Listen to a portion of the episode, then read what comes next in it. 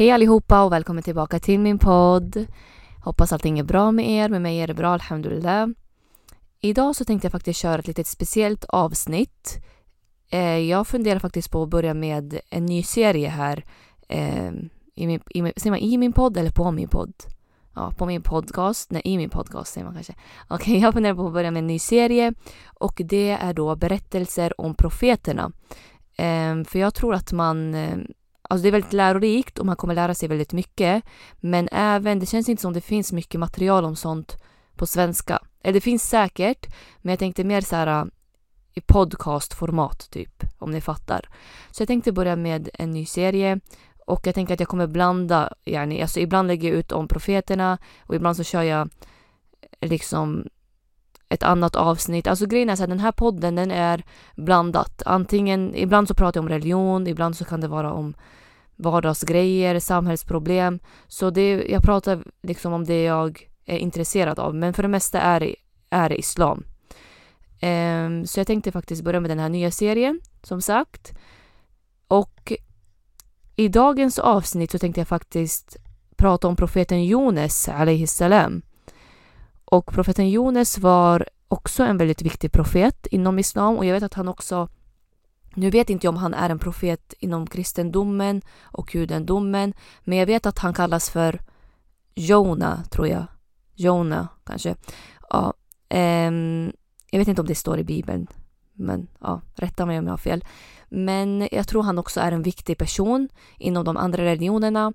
Så ehm, då tänkte jag prata om honom, för han är också en väldigt viktig person eh, inom islam. Så jag tänkte bara börja med att eh, prata allmänt om profeterna. Liksom, hur ser islam på profeterna? Vad är en profet? Och så vidare. Så enligt islam, vi anser att det bara finns en gud och det är Allah. Och Allah är en av hans 99 namn. Allah har 99 namn och till dem tillhör Allah. Och Allah är då Gud. Så på arabiska så säger man ilah. Ilah betyder en gud.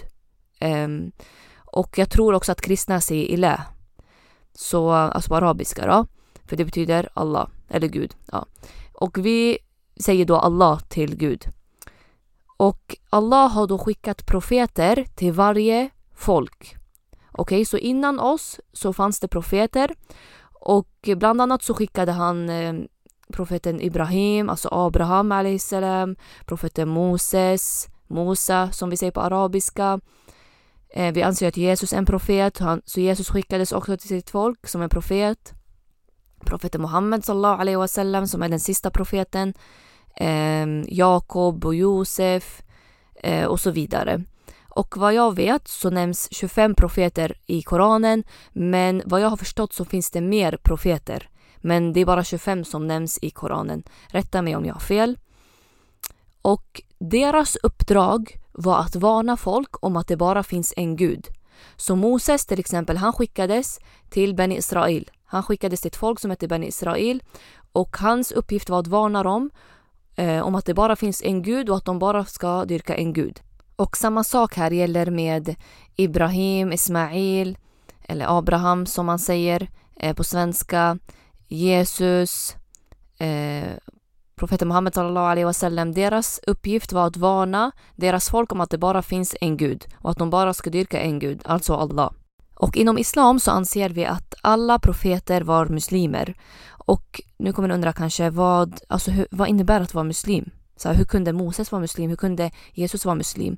Jo, en muslim innebär någon som underkastar sig till Gud.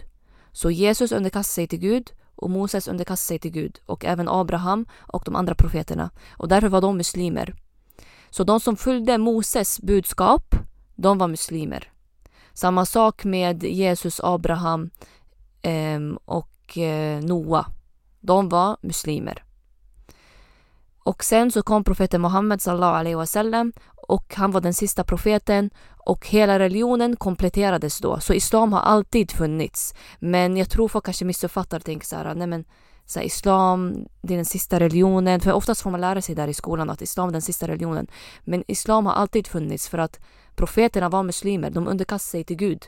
Men religionen, hela religionen kompletterades när profeten Muhammed kom. Under Arafa-dagen, det var då Eh, hela religionen kompletterades. Och Allah nämner det här i Koranen även. Så det här är alltså då hur Islam ser på alla profeterna. Och nu tänkte jag att vi ska börja med profeten Jonas salam och berätta om hans berättelse och vad han fick gå igenom och göra. För varje profet fick ju en prövning. Så profeten Jonas salam han skickades till en stad i norra Irak. Nu vet inte jag om man uttalar det här på svenska, men jag tror man säger det på engelska Nineve, tror jag. Alltså jag tror jag uttalat fel, men ja. Så han skickades till den staden för att kalla folket till monoteism, alltså tawhid som man säger på arabiska. Och den här staden, eh, befolkningen där dyrkade statyer och det här, är, det här gjorde väldigt många under den tiden, alltså under profeternas tid. De dyrkade statyer eh, och de trodde att de här statyerna var deras gudar. Och samma sak gäller här med profeten Abrahams folk. Hans folk var också avgudadyrkare och hans far gjorde faktiskt sådana här statyer eh, som de ansåg vara gudar och de tillbad dem. Och samma sak gäller även med profeten Muhammed sallallahu alaihi wasallam stam, Quraysh, som de då hette.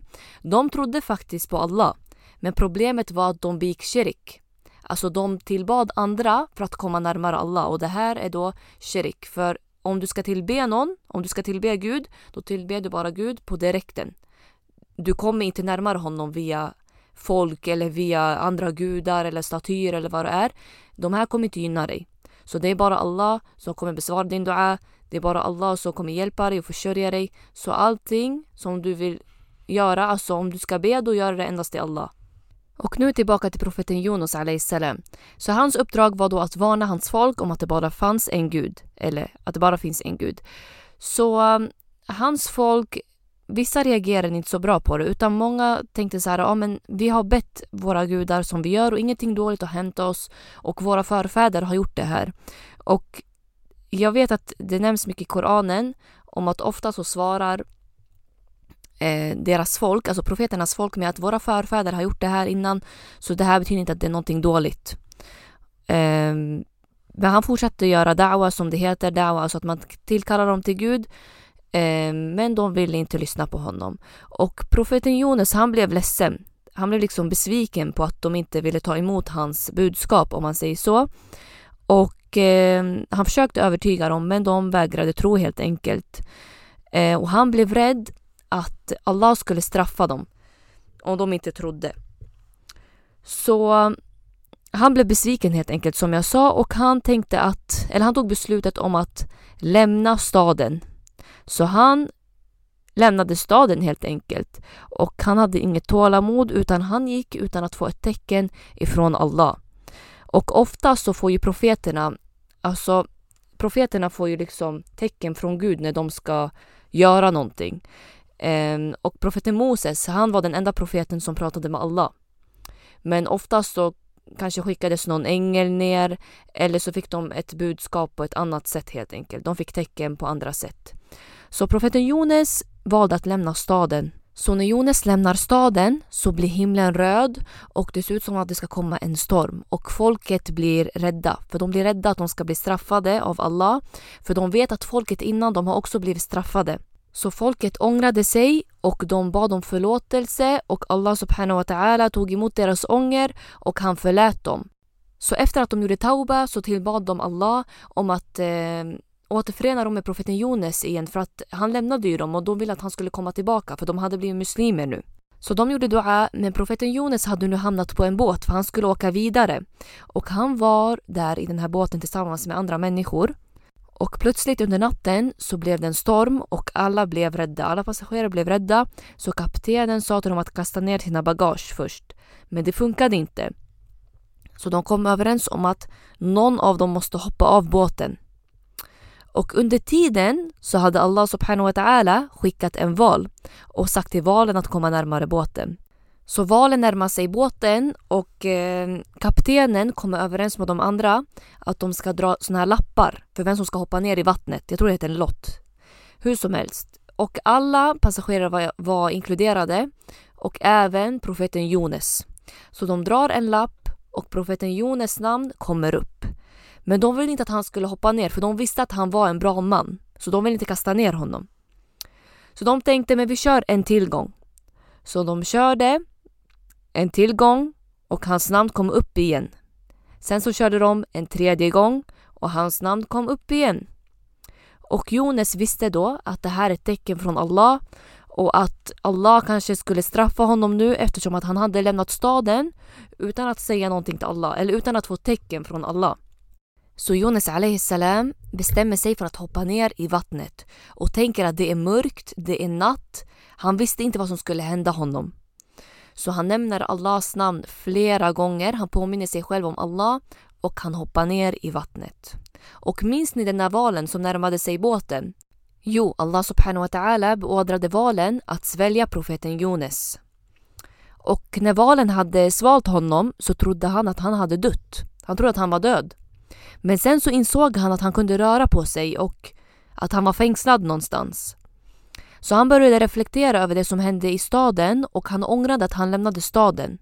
Så profeten Jonas gör tauba, han ångrar sig och han ber till Allah. Han gör sujud och han säger Åh Allah, jag ropar på dig ifrån en plats som jag tror ingen har ropat på dig ifrån. Och sen så säger han den här kända duan. Det här är min favoritdua och jag tror att många av er har hört den. Och profeten sallallahu alaihi wasallam har också sagt i en hadis att den som säger duan som Jonas sa, hans dua kommer att bli besvarad. Så profeten Jonas säger La ilaha illa anta Subhanaka inni kuntu mina zalimin. Och det här betyder då det finns ingen gud förutom du. Ära till dig, alltså all pris till dig. Jag har varit bland dem som har gjort fel. Så Allah subhanahu wa ta'ala besvarar hans dua för han såg hur mycket han ångrade sig och han insåg att han hade gjort ett misstag. Så Allah beordrar valen att svälja ut honom och valen gör det och sen så hamnar profeten Jonas på en Eh, ö och han hade fått någon slags syra på sin kropp. Alltså det brändes väldigt mycket. Det var från valen och eh, solen var väldigt stark så det var därför det, det brändes. Så Allah planterar ett träd och han får näring ifrån trädet. Och sen så återvänder profeten Jonas tillbaka till sin stad och han ser då att många har konverterat till islam. Och det här var då profeten Jonas prövning. Så han prövades med att bli svald av en val. Um, och det var då för att han hade lämnat sin stad. Men det här var inget, hur ska jag förklara för er? Nu kommer ni säkert tro att det här var liksom som ett straff. Utan Allah subhanahu wa ta'ala nämner i Koranen att han valde Jonas och han lät honom vara bland de rättfärdiga. Så Jonas blev bättre efter den här prövningen. Så det betyder inte att han var, han var någonting dåligt om man säger så. Um, och Allah gjorde honom till de rättfärdiga, eller bland de rättfärdiga. Och det var då på grund av att han, han accepterade hans tauba. Och hans misstag blev en välsignelse och en belöning. Så han blev inte dömd eller liksom förnedrad för det han gjorde. Så profeten Jones historia är liksom ingen varning för oss utan det är mer för att hedra profeten Jones men också för att påminna de som går igenom prövningar om att lättnad kommer att komma. Men man måste bara ha tålamod och lita på Allah. Och utifrån profeten Jones berättelse så kommer jag fokusera nu mer på tauba. Vad är tauba egentligen och hur gör man tauba? Så till er som inte vet, tauba betyder ånger. Och tauba gör man när man har till exempel begått en synd. Eh, vi säger som att det är någon som kanske har druckit alkohol, så ångrar den här personen sig eh, och han slutar dricka helt enkelt. Så det här är då tauba. Sen finns det också etiketter på tauba. Liksom, det finns olika steg som jag även kommer nämna eh, lite längre fram. Um, och att synda det är normalt för oss människor. Alltså ingen är perfekt. Vi alla kommer att synda. Och Allah, han älskar att förlåta. Han kommer ta emot våran ånger om vi är genuina och om vi har rätt intention. Och Allah skapade inte oss för att inte synda, utan vi kommer synda. Utan han skapade oss för att vi ska veta hur vi ska hantera våra synder. Hur kommer vi göra efter vi har syndat? Kommer vi göra tauba? Eller kommer vi fortsätta med våra handlingar? Och jag tror många tänker så här, äh, kanske om någon vill konvertera till islam eller så. Många tror att ah, men jag måste vara perfekt om jag ska konvertera. Men det stämmer inte för vi kommer fortfarande synda. Vi kommer alltid synda, ingen är perfekt. Och profeten sallallahu alaihi wasallam nämner i en hadis att hade vi människor inte syndat då hade Allah ersatt oss med människor som hade syndat. Och de här människorna hade bett om förlåtelse och Allah hade förlåtit dem. Så vi alla kommer att synda och vi kommer ångra oss men det viktigaste är hur hanterar vi våra synder? Profeten nämner även att när vi syndar så bildas det som en slags mörk fläck i hjärtat. Och den här fläcken eh, försvinner när vi är tauba och den den täcks. Eh, den blir liksom struken om man säger så. Och våra handlingar, alltså våra synder som vi har, vi har begått, de omvandlas till eh, goda handlingar. De blir hasanat. Så det är det som är så fint med tauba. Det är att när vi ber om förlåtelse och vi gör eh, alltså vi ångrar oss så får vi belöning. För våra synder blir till någonting bättre. Vi får någonting bättre i utbyte. Och jag nämnde ju eh, när jag berättade om profeten Jones att alltså förlåt min röst, jag vet inte vad som hände med den. Eh, jag berättade ju att profeten Jones, han blev en bättre person efter att han hade gjort tauba. Så det var, ingen, det var inget liksom, okej okay, han begick en synd men han blev bättre sen. För Allah valde honom och gjorde honom till eh, en rättfärdig, bland de rättfärdiga. Och samma sak gäller här med profeten Adam också. När han åt från äpplet och när han skickades till jorden. Och han blev då också bättre efter detta, efter att han gjorde tauba. Och jag vet att många i dagens generation, eh, när de begår en synd, de tänker så här. Ah, Allah kommer aldrig förlåta mig. Det här är en jättegrov synd. Men vad är då syftet med tauba egentligen? Förstår ni vad jag menar? Yani alla kommer synda. Och jag vet också att många, eh, man kanske gör dawa på dem. Eh, eller typ det här är någonting jag får höra ofta. Typ, ah, men jag kan inte be för att jag har eh, typ jag har en tjej eller jag har kille eller vad som helst. De gör någonting haram helt enkelt. Men de vet inte att när de ber, bönen tar bort deras synder. Så varje gång du gör wudu, det tar bort dina synder. Varje gång du, du ber, det får bort dina synder.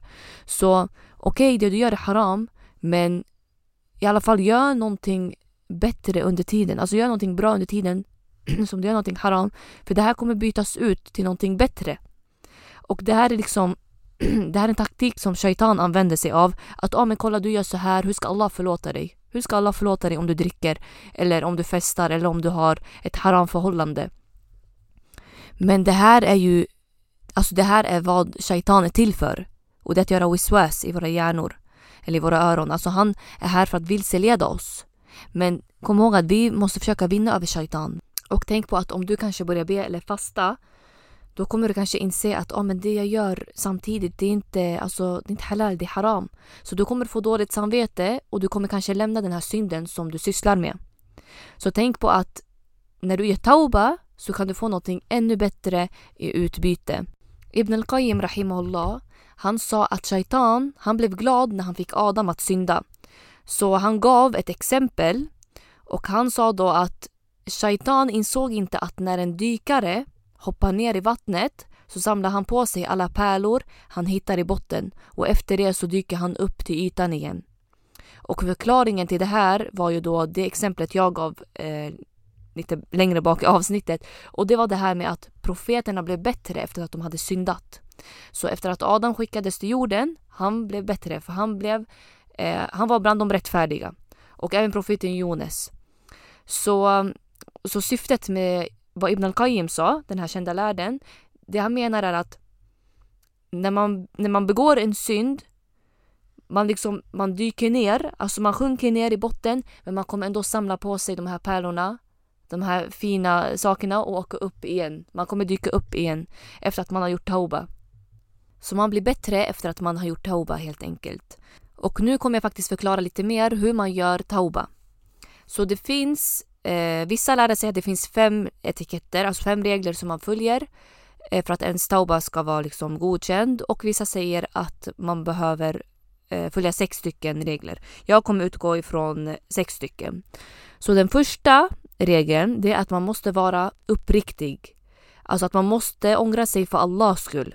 Så vi säger som att det är någon som dricker alkohol eh, och eh, ja, han gör inte tauba helt enkelt. Men sen så säger hans läkare till honom att han behöver sluta av hälsoskäl.